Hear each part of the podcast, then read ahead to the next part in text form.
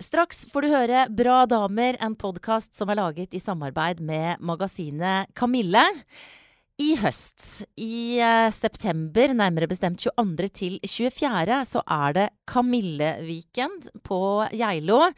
Og dit skal jeg, dere. Jeg skal dit med denne podkasten. Jeg skal lage en livepodkast fra Kamilleviken. Og det er også mye annet spennende på programmet. Du kan lese alt om dette her på kamilleviken.no, Og der kan du også melde deg på hvis du har lyst til det.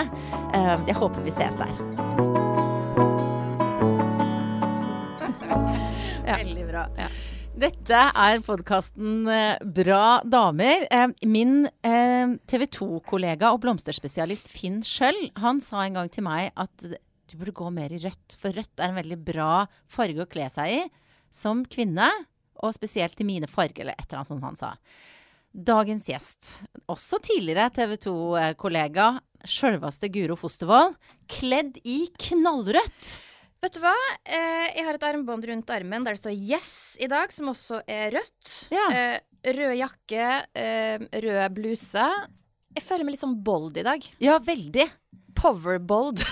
og du er altså så fin. Eh, det er en sånn veldig kul eh, dressjakke og blomster under, som du sier. Og det er liksom Det er som når man tar på seg hatt. Ja. Dette antrekket her må du liksom bære med stolthet. Ja. Derfor så har jeg bestemt meg for at skuldrene skal bak, og hodet liksom eh, opp. Mm. Eh, og jeg må liksom bære rødt gjennom hele dagen. Ja, hvordan, altså Nå er vi jo fortsatt ganske tidlig på dagen når du er her i podkaststudio. Hvordan har det gått så langt? Jeg følte liksom at eh, han taxisjåføren som kom og henta meg, han ble litt sånn Oi!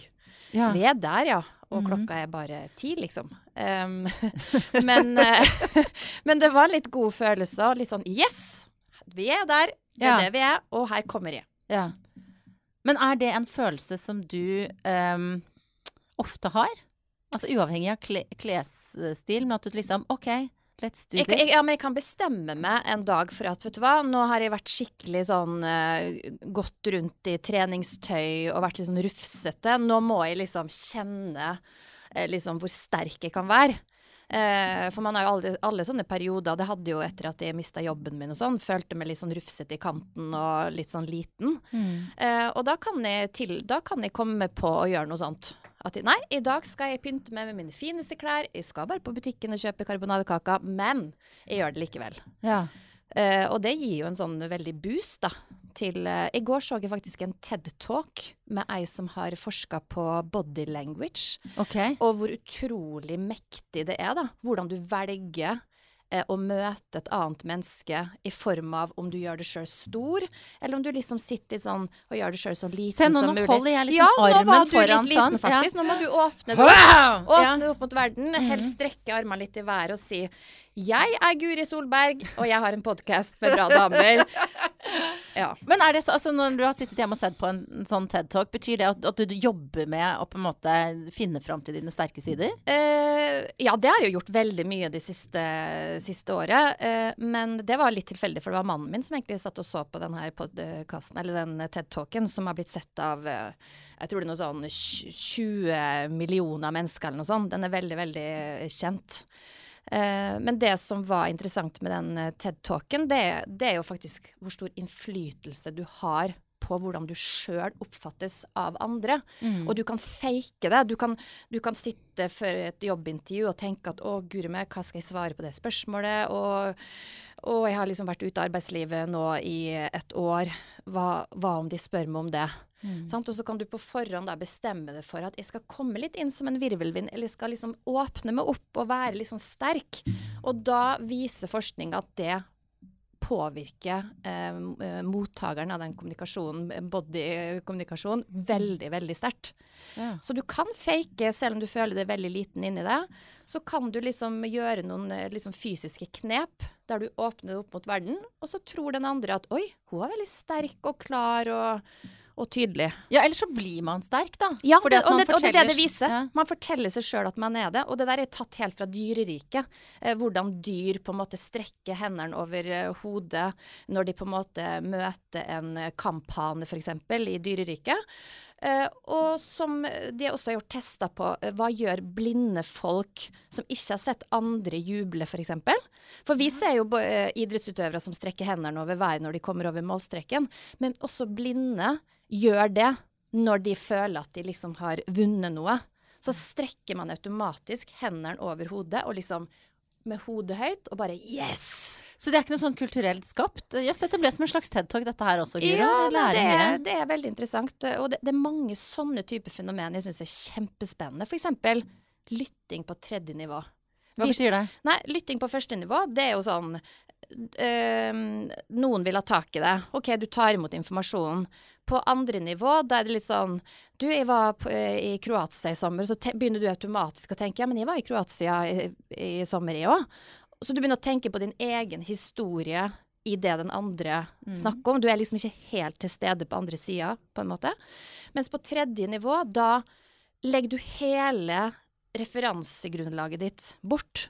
Du sitter bare og ser på den andre personen, du legger merke til kroppsspråket. Du, du kan på en måte oppfatte ting som Oi, når jeg ser at du snakker om det der, så kan jeg merke at du blir litt uh, stressa, eller nå virker du litt lei deg, eller du, du er på en måte på inne i historiefortellinga til den andre, da, sånn helt nært. Ja. Og det er man jo veldig sjeldent. Øh, generelt så er folk fryktelig dårlige til å lytte. Ja.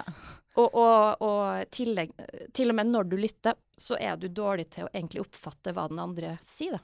Fordi at man veldig ofte er liksom forsvunnet langt inn i sitt eget hode. Ja. Hvordan er du på det der, da? Jeg eh, kan være grusomt dårlig. Og så kan jeg innimellom, og fordi at jeg nå har begynt å lese litt om det, så prøver jeg å være sånn bevisst. Jeg kan tenke sånn Nå skal jeg møte den og den personen. Nå skal jeg la hun kjenne eller han kjenne at jeg virkelig bryr meg om det vedkommende sier. Og ikke bare med en gang kommer 'Å ja, ja, det var spennende, for jeg var også på Bali'. Altså, det blir så Man blir så lett opphengt i sin egen referanse, da. Ja. Og det er utrolig spennende det som skjer hvis du i små øyeblikk klarer å lytte på tredje nivå. Og det er jo også sånn som jeg ser for meg som er sånn her pass i on, at liksom det sprer seg. Mm. Hvis du er god på det, så vil den andre personen føle seg veldig sett og verdsatt, og kanskje bli eh, flink til å gjøre det samme sjøl. Ja. For det er jo noen, altså jeg tenker ikke på noen spesiell person men jeg har jo møtt folk som jeg tenker at hvis de hadde fortalt dem jeg har kreft, så hadde de sagt sånn, vet du hva? Det er akkurat det skjedde med, med en jeg kjenner også. Ja. Altså liksom uansett hvor Ja. alvorlig det er, så klarer de å vri det til å handle om seg sjøl.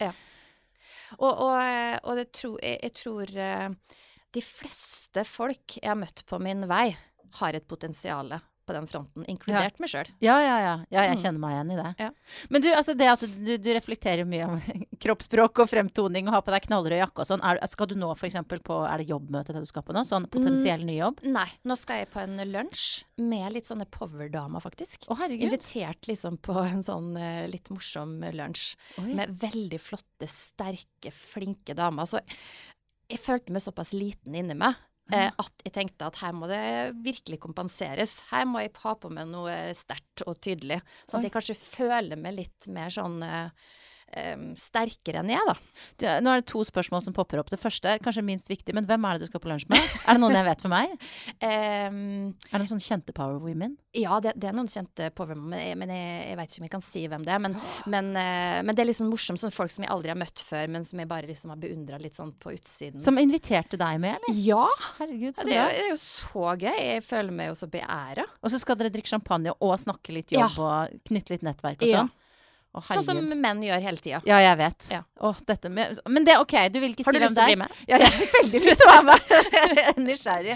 Men det andre jeg bet meg merke i, som jeg ble nysgjerrig på, er at du sa at men du følte deg så liten at du var nødt til å kle deg opp. Hva, hvorfor føler du deg liten i dag? Ja, men det var litt sånn fordi at de her andre damene de har sånne kjempeviktige, flotte jobber og redder verden og sånn. Eh, jeg redder knapt nok meg sjøl, liksom. Eh, så innimellom så føler man jo litt at eh, Og spesielt når man har stått utenfor arbeidslivet, eh, så begynner man liksom å lure litt på om Oi, kan jeg egentlig det jeg har holdt på med de siste 20 åra, liksom? Og, eller sånn Oi, der ble jeg tatt på fersken, gitt. Ja. Eh, sant? Alle de her tinga som vi damer er så flinke til å si til oss sjøl.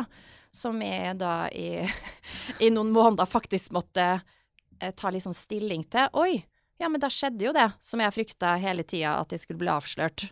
Ja, Var det det du følte? For at, altså, Ja, fordi, refresh eh, folks memory, altså for å si det på godt norsk, herregud. Refresh folks memory. Ja, ja, Hva er det for Det er en fordi vi setning å om si? TED Talk og sånn, og da blir man Ja, jeg er very American in ja. my head. Men altså, Guro og jeg jobba sammen i TV 2. Det er egentlig ganske lenge nå siden du Mm. uh, slutta der. Eh, begynte å jobbe i eh, Viasat. Eh, og så gikk det dårlig på slutten der. Du ble uvenner med arbeidsgiveren din og gikk til sak eh, mot eh, oppsigelsen du hadde fått. Dårlig Ja. stemning. Var det da du følte deg avslørt? Ja, altså det er en sånn eh, Ikke fordi at jeg følte at det hadde noe med den saken å gjøre, for så vidt, men i etterkant så blir man jo ganske lite konstruktivt på egne vegne. Man tenker jo da alt det verste eh, om både seg sjøl og hva man har gjort.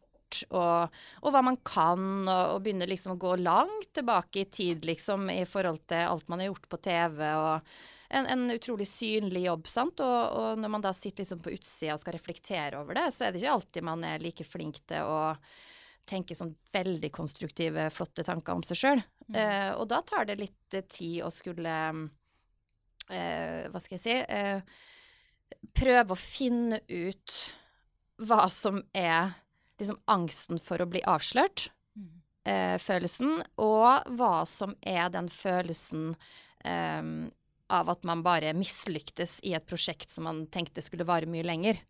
Eh, og, man, og jeg jobba jo veldig mye med meg sjøl etter det, med å, med å liksom finne ut hva kan jeg, hva er egentlig kompetansen min, som hvis du tar bort TV og alt det her flotte rundt.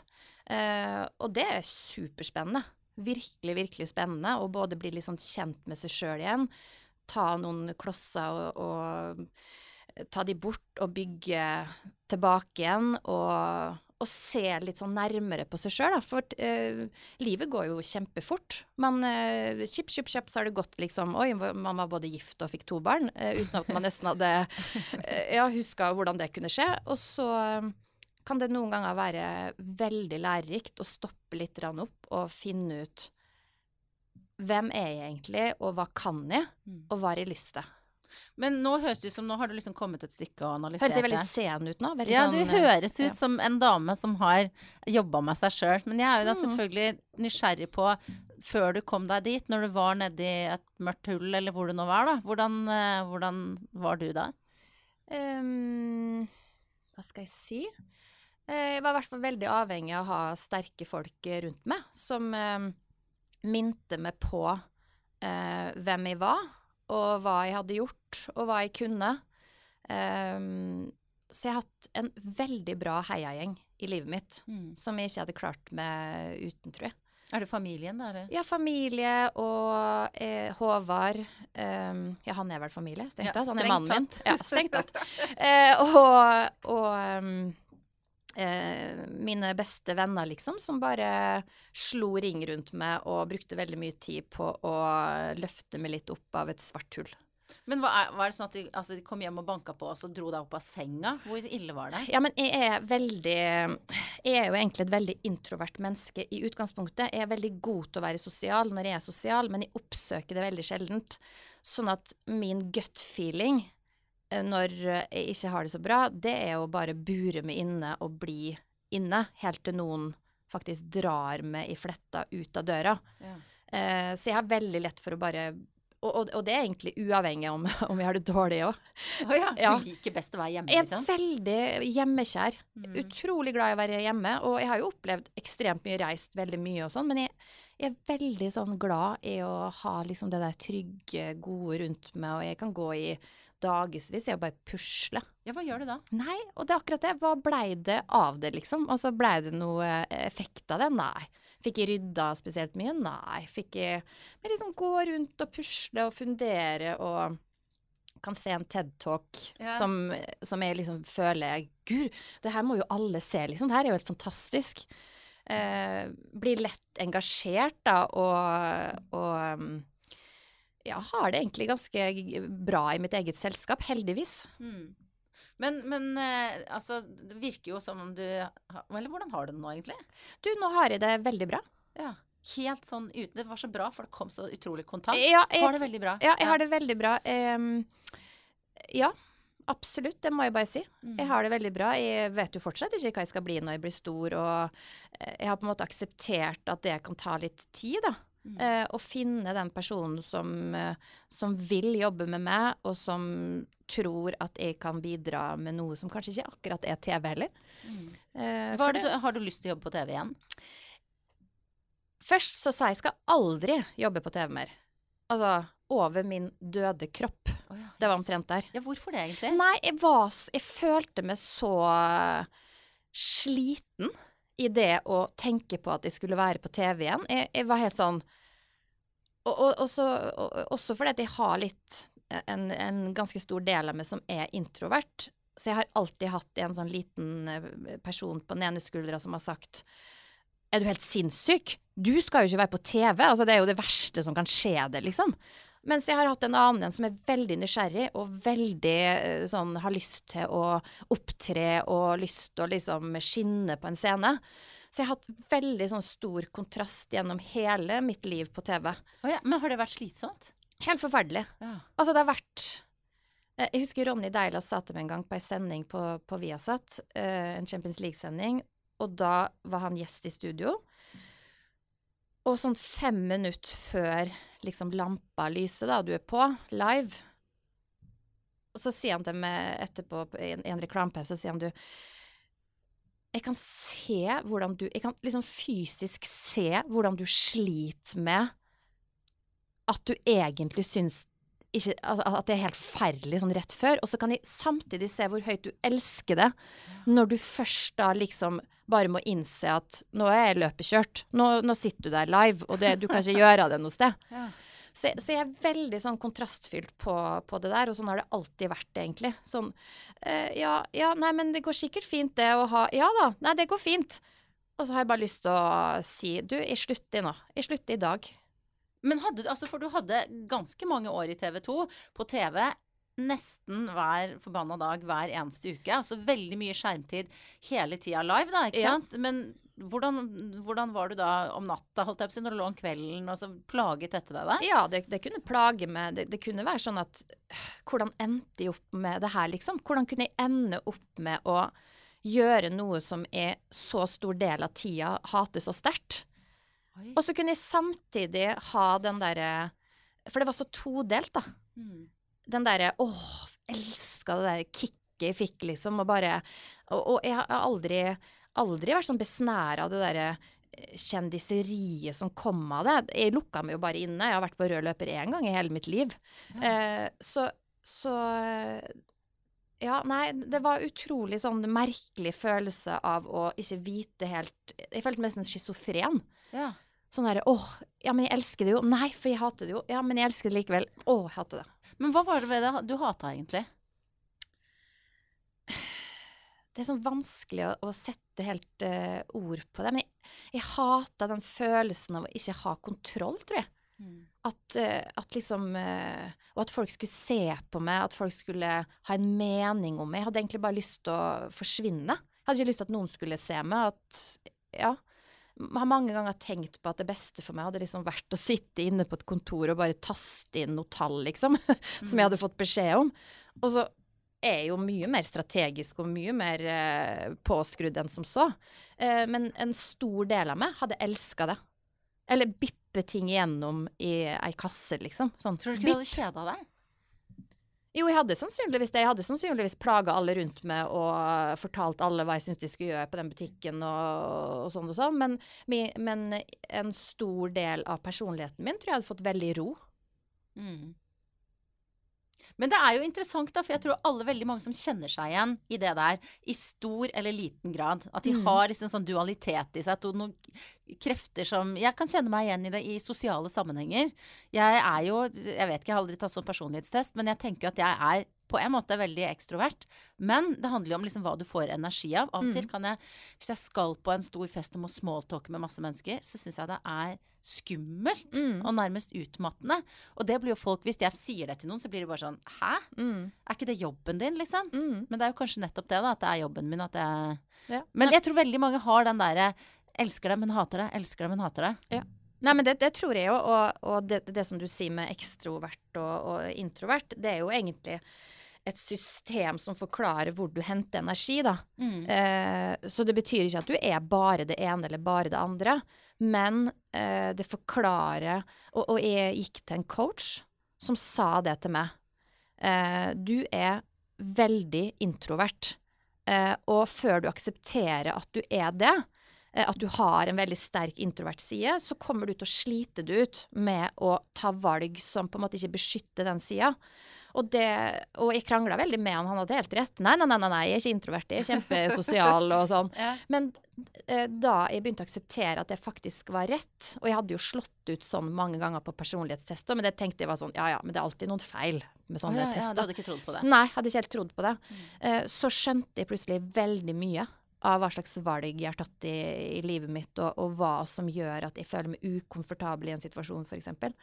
Så um, Og nå kan jeg ta litt sånn um, høyde for det i sosiale settinger. Jeg kan f.eks. ta en powernap før jeg skal i en sosial setting, sånn at jeg har henta min, og batteriet er skikkelig eh, fylt opp, da. Mm.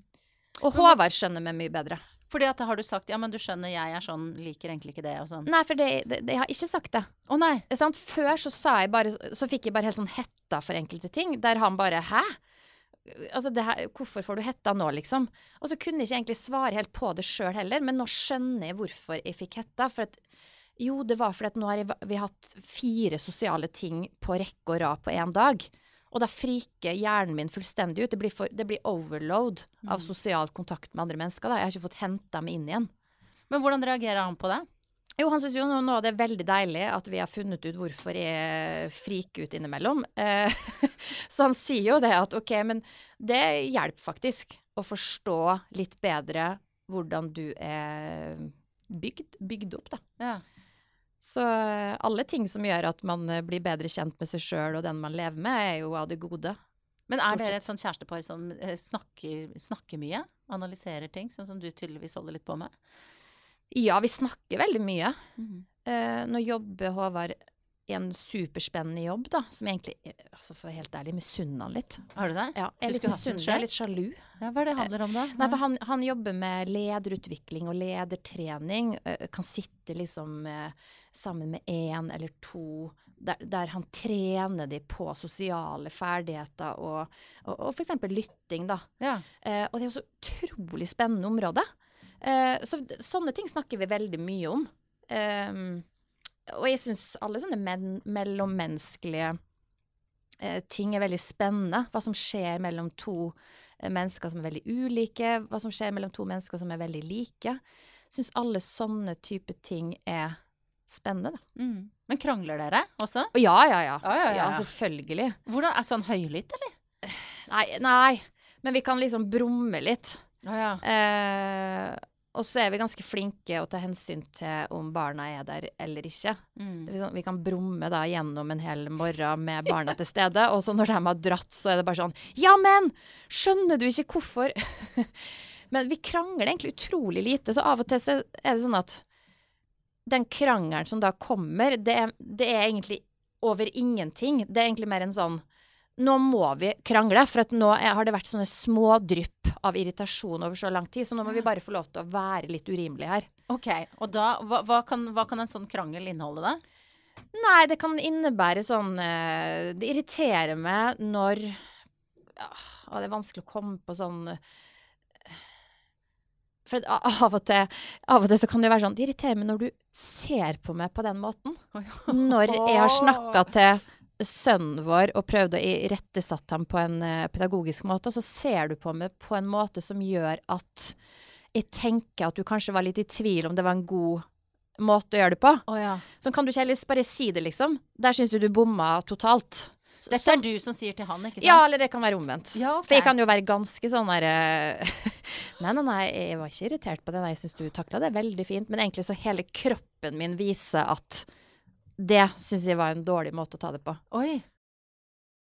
Så hvis jeg beskylder mannen min for å liksom tenke stygge ting om meg, Mm. så er det liksom altså, Og så blir han bare sånn Ja, men jeg tenker jo ikke sånn. Nei, nei, nei, og det skjer jo 99 av tilfeller. Ja. Eh, for er sånn, eh, Du, jeg tenkte på hva vi skulle grille på grillen etterpå. Jeg, liksom. jeg tenkte ikke på at du, jeg kikka rart på det, sånn at du skulle føle at jeg syns at Ja. Vi kvinner er jo litt mer komplekse på det. Ja, ja, vi er rett og slett smartere. Vi har mer å gruble på. Det er eh, akkurat det. Vi tar inn flere mm. ting. Ja, så det må vi bare tenke at det er en bra ting. Ja. Av og til kunne vi liksom kult den litt mer. Ja. Men det som jo er å lære av det, er kanskje bare å bare alltid tolke i beste mening. Det er jo litt kjedelig, selvfølgelig, men, eh, men sånn ekteskapelig så er jo det kanskje et godt, eh, en god ting å ha med seg. Absolutt.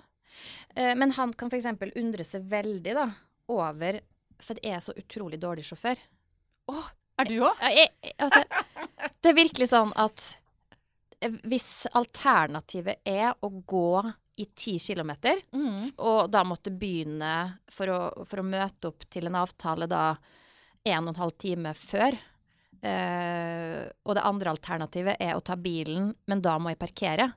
Eh, inkludert lukeparkering. Jeg, jeg kan ikke Nei, lukeparkere. så da, da er det sånn Nei, men Gud, da, da, endelig fant jeg ja, da går jeg heller i en og en halv time. Mm. Og jeg er helt sånn svett og forkommen når jeg kommer fram, liksom. Eh, og må ha praktiske sko på beina istedenfor fine. Og, altså, det driter jeg i, da. For det, det, det, det er ingenting som er verre for meg enn å kjøre bil og skulle parkere med små marginer, liksom. Ja, nei, jeg, jeg unngår det, jeg Jeg hyler. Jeg sitter og hyler inn i bilen min og sånn, jeg. For det er skummelt. Ja, hvis folk kommer for tett eh, bak meg, og, og jeg liksom ikke veit helt hvor jeg skal, og mister liksom Unnskyld retningssansen ler, og men jeg kjenner meg sånn igjen. Ja. Ja.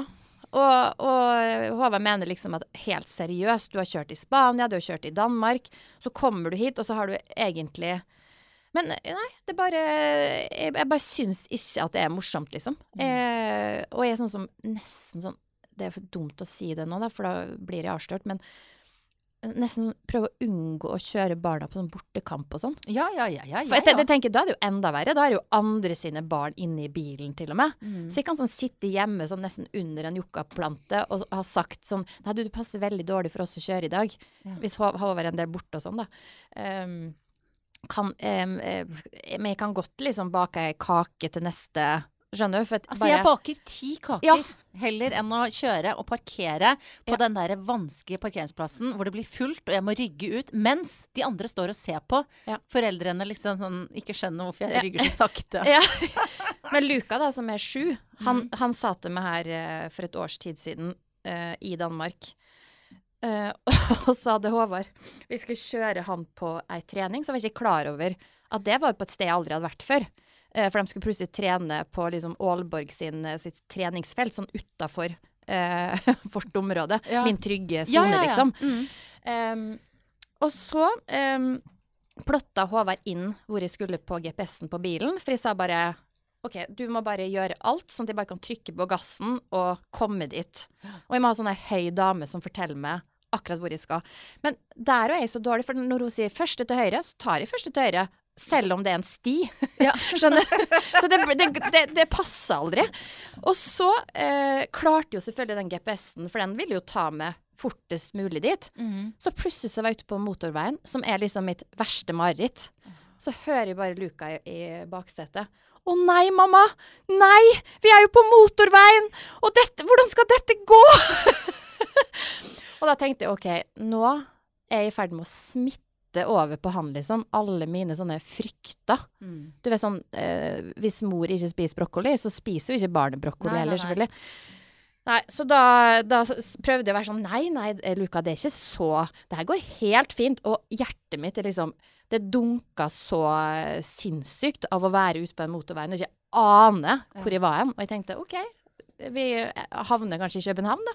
Ja. Men det gikk bra, tydeligvis. Du er her. Ja, men jeg var så sint da Håvard for han skulle komme etter sin egen trening da, eh, og se på den. Det var vel en kamp eh, Lukas skulle spille. Og når han kom, og jeg sto liksom med armene inne i sida sånn, og bare Ja! Du liksom skulle sørge for at jeg fikk en god opplevelse i bilen, og vet du hva som skjedde? Og han liksom eh, Nei. Jeg var på motorveien! Han, han kjørte på motorveien hver dag på vei til trening, liksom. Han bare mm, OK. Ja, nei, det var jo veldig beklagelig da, at du måtte ut på en litt større vei. Sorry.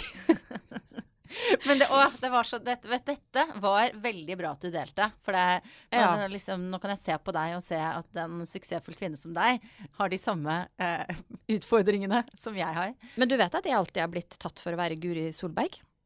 Du vet hva, dette her har vi så vidt mellom, for det er morsomt. For at jeg har jo alltid blitt tatt for å være deg. Ja, du, Ja, altså, jeg har vært det hadde eh, jeg faktisk ikke trodd, for jeg har hele tida hørt sånn eh, Hva sier folk da? Nei, Hvis de skal gjøre et intervju, eller du blir invitert på noen ting, sånn derre eh, Kjære Guri.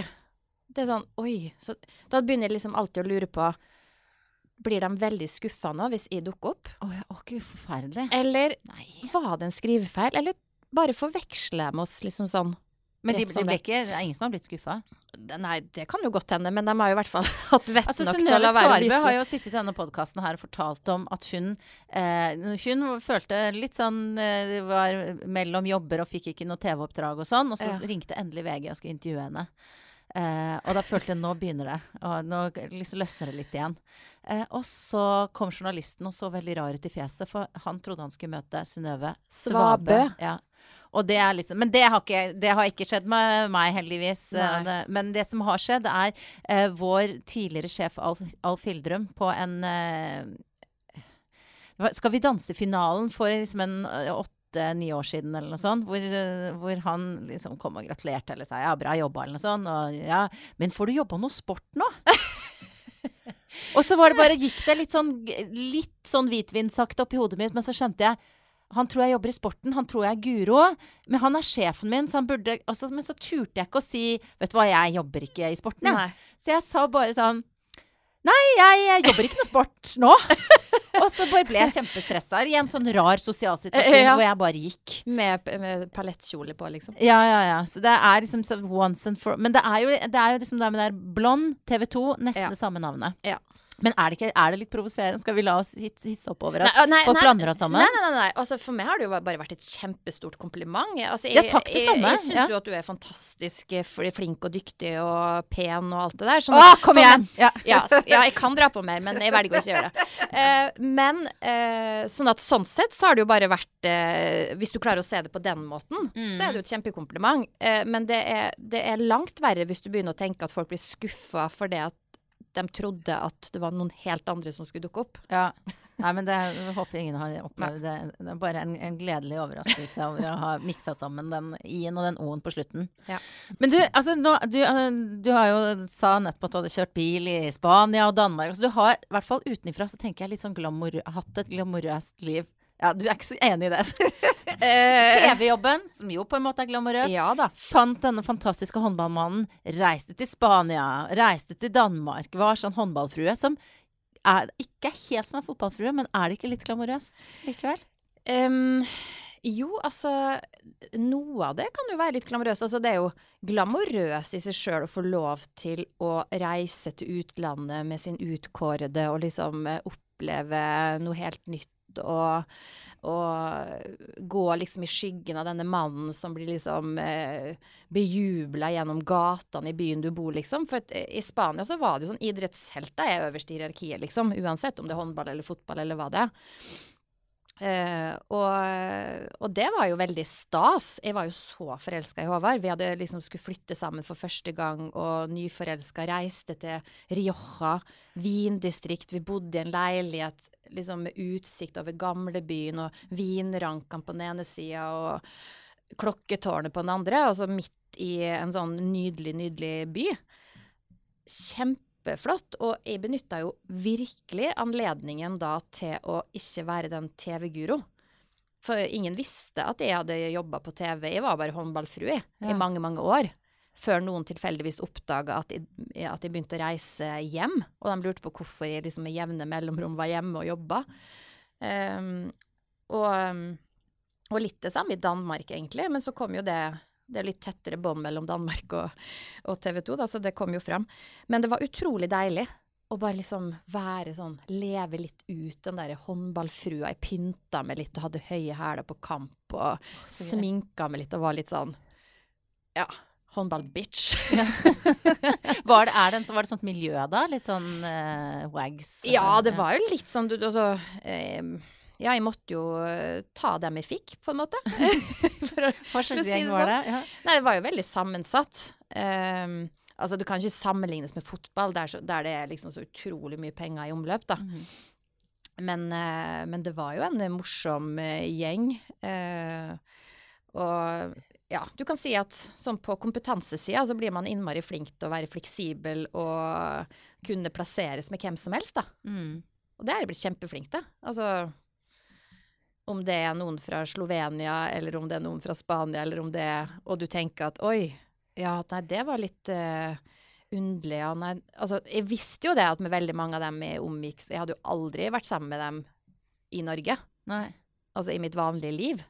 Men det gjør jo at man også blir litt mer open-minded, og mange av dem jeg tenkte at oi, hun er så forskjellig fra meg, liksom. Eller hun var veldig irriterende, eller Så hender det jo faktisk òg at du lærer noen ting, og at, uh, at jeg kunne tenke sånn så utrolig kjedelig hun virka, men så fantastisk spennende hun egentlig var. Takk og lov for at de liksom lot det vennskapet få lov til å skje, da. Mm. Men hvordan er det nå, da? Nå har dere flytta til Høvik og uh, bor i stort, fint hus og nytt nabolag, og liksom starta det derre familielivet her i Norge, da, sammen. Eh, hvordan, hvem er du nå i, i den, uh, den nei, nye greia der? Veldig godt spørsmål, Guri. Uh, hvem er jeg nå? nei, det er jo en av de tingene jeg prøver å finne litt ut, da, og, og, og gjorde meg sjøl litt fast i den kjernen som egentlig alltid har vært med og som vi nå eh, kanskje må være enda tydeligere på hva er. Eh, og så var det nok absolutt verst for meg å flytte hjem. Ja, Håvard er kommet inn i en super jobb, han var liksom ferdig med håndballen. Um, nå kan han bruke helger, liksom, han kan uh, fjellklatre den ene dagen. Han kan, altså, han kan gjøre alle de her tinga som han aldri har fått sjansen til å gjøre. Uh, barna mine har det gått eh, egentlig etter forholda bra med, sånn i forhold til at du har Eh, røska de opp med rota. Da. De har jo vokst opp i Danmark. Eh, men jeg følte for første gang da vi kom til Danmark, så fikk jeg et eget nettverk som ikke hadde noe med håndballen å gjøre. Mm. Superflotte, fine damer um, som jeg fikk en litt sånn sorgreaksjon for å miste. Oh, ja. uh, så når jeg kom hjem, så var jeg faktisk litt sånn prøvde å fortelle alle at nei, det er kjempebra, og vi er så glad for å være hjemme. Og når folk sa sånn å, er det ikke godt å være hjemme? Så ble jeg ja, men hjemme? Det er jo ikke akkurat hjemme. Vi har aldri bodd på Høvik, vi har aldri bodd i Oslo. Eller det vil si, jeg har bodd der i tre år i Bogstadveien, liksom. Eh, med fest og fanteri. Men, eh, men, eh, det føltes jo liksom ikke ut som hjem. Så jeg hadde en ganske sånn langvarig sorgprosess litt sånn skjult. For jeg følte liksom at jeg måtte være så sterk for barna, jeg måtte liksom støtte Håvard i at han skulle begynne en ny karriere. Og så gikk jeg litt sånn rundt og hadde litt sorg over det med jobben. Litt sorg over det at vi hadde flytta fra Danmark. Um, så um, Men var det noe dere var helt enige om? Ja da, vi var enige. Og egentlig, vi kunne jo ha blitt i Danmark. Vi kunne jo ha fått jobba i Danmark. Mm. Men det føltes så vanskelig at barna mine skulle bli dansk. Ja. Det satt så langt inn Altså, det, det føltes så feil. Så jeg, eh, nå er jeg veldig glad for at vi har kommet hjem, men det har tatt meg litt tid å kjenne at det var en supergod idé. Men denne, disse venninnene som du sørger over, har du fått, funnet noen erstattere? noen som kan ha samme oppgaven her? Ja eh, Jeg veit ikke hva som skjer når man bikker 40, liksom, men jeg er jo mye mer er jo mye mindre sånn på for å skaffe meg venninner nå. Uh, og jeg burde vært mye flinkere. Jeg burde vært mye mer Nå har jeg en mulighet for å møte mennesker som kan møte meg for første gang for den jeg er nå. Mm. Og slippe å Og det gir jo en, en, en ganske stor mulighet, da. Eh, for de fleste må jo drasse rundt på folk som de har kjent i, i tusenvis av år. Og så kan man tenke innimellom at oi, vi har kanskje egentlig vokst fra hverandre, men vi ja. må bare stick to it, liksom. Eh, nå har jeg en mulighet for å komme til et nytt sted med den som jeg er nå, da, den voksne utgaven, 2017-versjonen av meg sjøl. Eh, og det er jo fantastisk, hvis jeg kan møte folk nå som jeg klikker med, og, og som eh, kjøpe den pakka igjen nå. Ja. Så du er på en måte på eh, jobbjakt, og er du, er du, også litt sånn på vennejakt, eller? Ja, litt. Ja. ja. Så hvis det er noen der ute, så er det bare, bare å ringe. Skriv en Instagram direct. ja, spennende greier det her. Og det er liksom, eh, jeg ber jo alle gjestene mine om å ta med noe som kan si noe om hvem de er. Um, det ligger en, en um, Altså er det, Snakker vi 80-tallet her? Jeg får i hvert fall veldig 80-tallsvibber. Ja. Hadde du med sånn i skolesekken din på 80-tallet? Nei, Rubiks altså, kube? Nei. Rubiks kube er for meg noe min storebror hadde, som jeg prøvde meg på, men som jeg vel aldri følte at jeg var liksom smart nok til å fikse helt aleine. Det Nei. føler jeg fremdeles ikke. Nei. Nei. Men eh, det er, det er jo litt komplekst å, å sette seg inn i Rubiks kube, for det, det er jo en litt sånn matematisk algoritmemåte å tenke på, da. Ja, og jeg bare Ja, OK, To ord der, der hater, forsvant ja. du ut, Ja. liksom. Ja. Men Og det gjør egentlig ja. Nei, men, men eh, jeg elsker samtidig litt sånn system. Ja. Og, og eh, Rubiks kube har blitt sånn obsession i vår familie, da. Jeg, kan, jeg og Luca, når han kommer hjem fra skolen, så har vi én hver. Og så vi, kikker vi på hverandre, og han er sju år, liksom. Og så sier eh, Skal vi ta en femmer, da? Ja, vi tar en femmer. Da betyr det at da er det best av fem. Eh, da, skal vi, da er det omgjort å løse én side, da. Raskest mulig. OK, så sitter den andre og tar tida? Nei, nei, vi gjør det samtidig. Oh, ja, nettopp. vi har to, vet ja. du. ja, ok, Ja. all right, selvfølgelig. Ja, ja, ja. Og det kan vi holde på med i timevis. Hvem vinner av dere to, da? Eh, det er litt forskjellig. På én side er det litt forskjellig. Men eh, Rubiks kube er jo eh, Det kan anbefales, og det er veldig stressutløsende. Nei. Nei, det blir feil. Det blir, vel, det blir 100 Dempende, feil. stressdempende. Demp, stressdempende. Men er du en stressa person, så du trenger den der? Nei, men, eh, men jeg kjenner at uh, innimellom uh, kan eh, tenke på helt feil ting. Altså sånn at jeg henger meg opp i noe som kan komme til å bli veldig stressende hvis jeg fortsetter å tenke på det. Og hvis jeg da bare løser litt Rubiks kube, så er det litt sånn ja, nei, men da kan vi begynne, da kan vi gå videre med livet uten å Ja. stresse. Så det rydder litt opp Ja, i det rydder litt opp. Ja. Og apropos, nå vet jeg ikke hvordan du er, men eh, jeg er veldig glad i å rydde når jeg er urolig inni meg. ja, jeg elsker det. Ja. Det er ingenting som får meg mer i vater enn å sortere i en skuff, kaste ut, hive, eh, rydde. Ja. Men er det jo også sånn at eh, det blir tilsvarende stress inni deg hvis det er eh, stress rundt, altså rot? At det går andre veien også? Ja, men jeg er egentlig, av meg og Håvard, så er jo han den desidert ryddigste. Eh, det er bare at når jeg først tar tak, så begynner jeg liksom i en ende. Og så går jeg inn i skuffen i den enden, og så rydder jeg inn i den boksen inni den skuffen i den, det hjørnet i den enden. Åh, Og da gjør jeg det så utrolig grundig, da. Mm. Um, men jeg er ikke sånn spesielt ryddig av meg. Jeg henger liksom ikke helt sammen for meg der. Nei, men jeg er veldig, altså som Rubiks kube, veldig Ja. kompleks. Det er det er bra, det har vi fått slått fast. du, vet du, du har jo snakka eh, mye om dette i tidligere intervjuer og sånn, eh, og det er jo lenge siden du jobba i TV 2 nå, så jeg skal liksom ikke liksom grafse så mye i det. Men det jeg vet, er at TV 2-sporten, hvor du hadde jo mange år, er jo liksom det er ikke noe sånn walk in the park uh, igjen. For herregud, så er jeg helt sånn engelsk i hodet i Ja, dag. ja, ja. It's because you look so international. Oh, yes. yes, please, thank Nei, you. men eh, hva, eh, når du nå er liksom jobbsøkende og er klar for nye utfordringer, hva fra den arbeidserfaringen du har fra TV 2-sporten, er det du tar med deg? For der fikk du liksom bryna deg. De, det var ikke bare, de var ikke bare greie med deg, var de det? Nei, men altså, de testa meg jo veldig. Det her var jo på et tidspunkt der veldig få jenter hadde sluppet inn i sportsredaksjonene. Så det var jo en veldig stor skepsis til at jeg kom inn der. Jeg hadde ikke riktig erfaring. Jeg hadde ikke løpt rundt og skrevet referat fra lang skirenn som eh, 15-åring til lokalaviser, liksom. Så jeg, jeg hadde helt feil profil, da. Eh, og jeg var ung jente som alle liksom med en gang tenkte å ja, mm, skjønner jo hvorfor hun er her. Hun vil jo på TV. Og, og det var virkelig ikke det jeg ville. Jeg ville lære meg det faget, og jeg ville vise at jeg hadde en genuin interesse for sport, da. Uh, så jeg, jeg blei veldig irritert. Husker jeg, jeg blei veldig sånn såra over at jeg ble, mistenkeliggjort for å ha feil motiv da, for å være der. Og så kan du jo si at de hjalp meg jo veldig, eh, for det at det gjorde jo at jeg ble mye mer sikker på at det var det jeg ville. Å ja. For jeg blei sta som et esel, liksom. Du bare Eh, beit tenna sammen og tenkte ja, nå ja, skal jeg jo mer motstand, jo bedre, nesten. Eh, så men, men, men det høres ut i sånne intervjuer når jeg leser dem etterpå, at jeg hadde det helt forferdelig i TV 2. Jeg hadde det helt fantastisk i TV 2. Ja. Og jeg hadde så mange som heia på meg, og så mange som ønska at jeg skulle lykkes. Um, og, og alle liksom ønsker at de skal si noen ting om meg og Davy. Altså, Davy har jo lært meg masse. Altså, det er vel ikke en person i TV 2 som på en måte har brydd seg så mye om, om at folk skal um, som journalister så skal du være ærekjær i forhold til språk, i forhold til ting skal være riktig.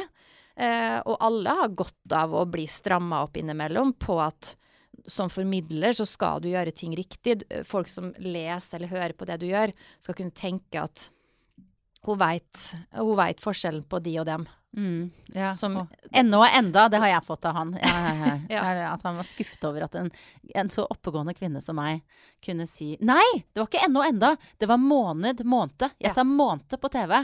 Da fikk jeg, Det var tredje dag i TV 2 eller sånt, fikk jeg mail av Men du sa det sikkert aldri feil etterpå? Nei, og det hver gang jeg sier måned nå, så liksom ser jeg for meg Davy i mitt indre blikk.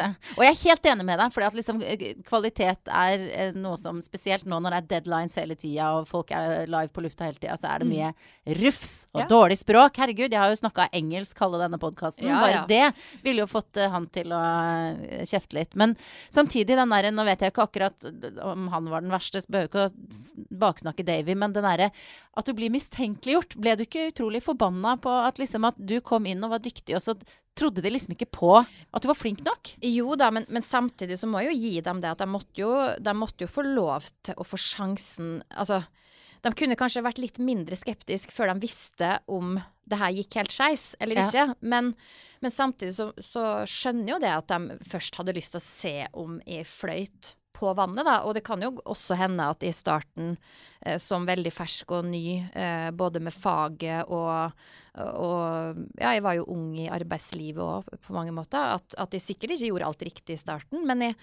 men eh, Ja, og, og, og, som sagt, jeg, jeg lærte veldig mye av den motstanden, og jeg lærte veldig mye av å jobbe der i forhold til å skape sendinger og um, legge lista høyt for hvordan formidling skal foregå.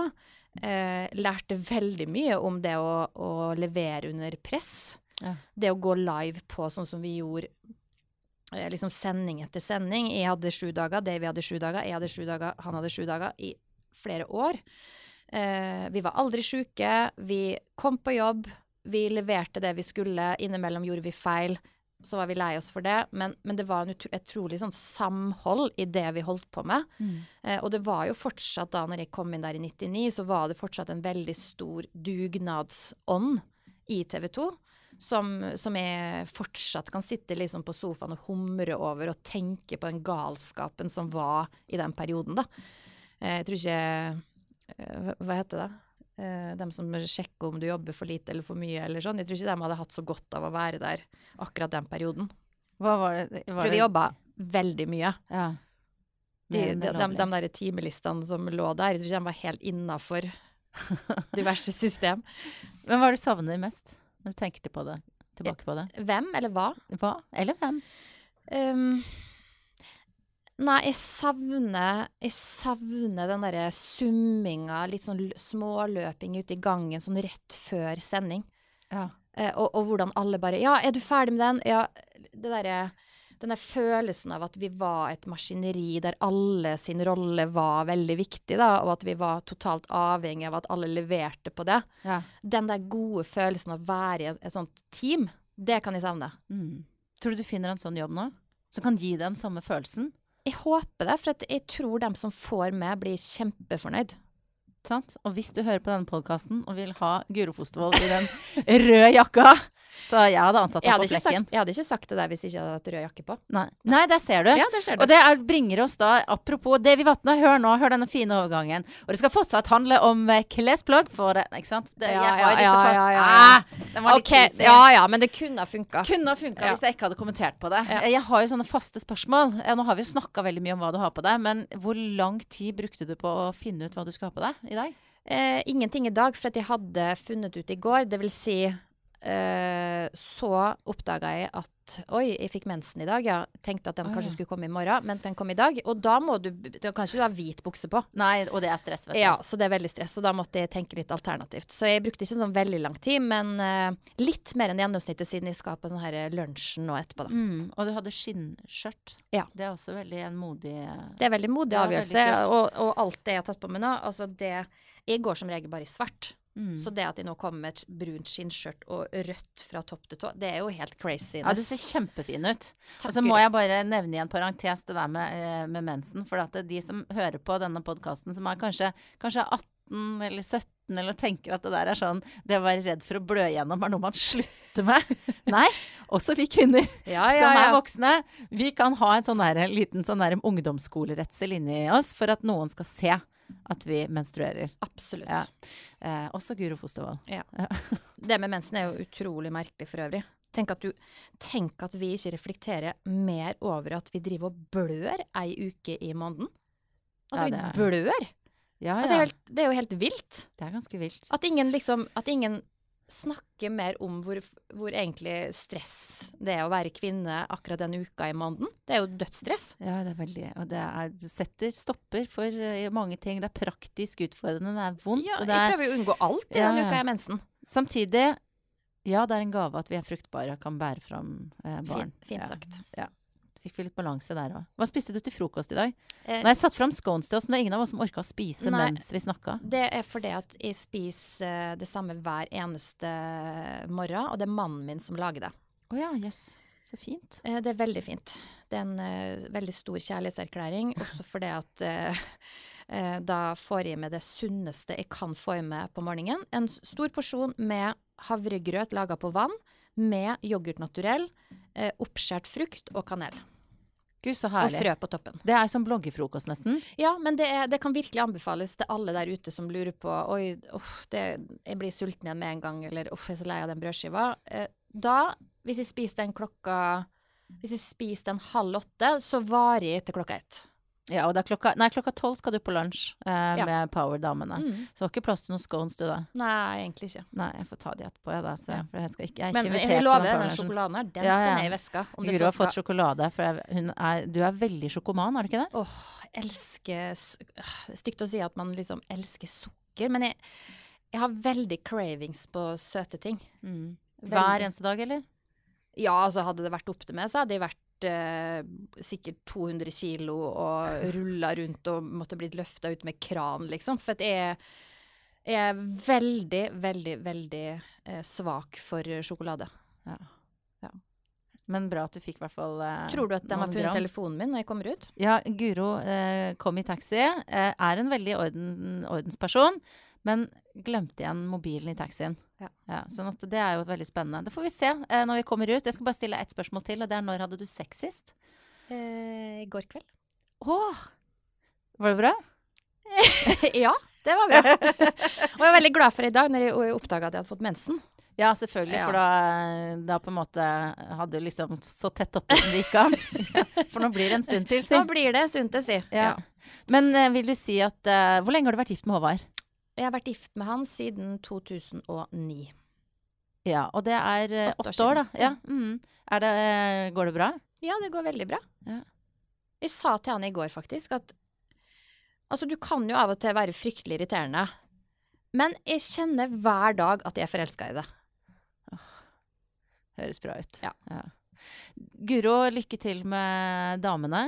Eh, selv om jeg ikke fikk vite hvem de var. og, og lykke til med jobbjakt og livet på Høvik. Takk for det. Du er en bra dame. Takk i like måte. Denne podkasten den lages i samarbeid med Kamille, og nå kan du som Bra damer-lytter få et eh, spesialtilbud på eh, et halvt års abonnement. Da får du åtte utgaver, og dette her eh, koster deg bare 189 kroner. Og for å få dette spesialtilbudet som min min podkastlytter, så sender du en SMS eh, med Guri Mil. Altså en slags miks av Guri og Kamille. Guri Mil til 2205. God lesing! Monster.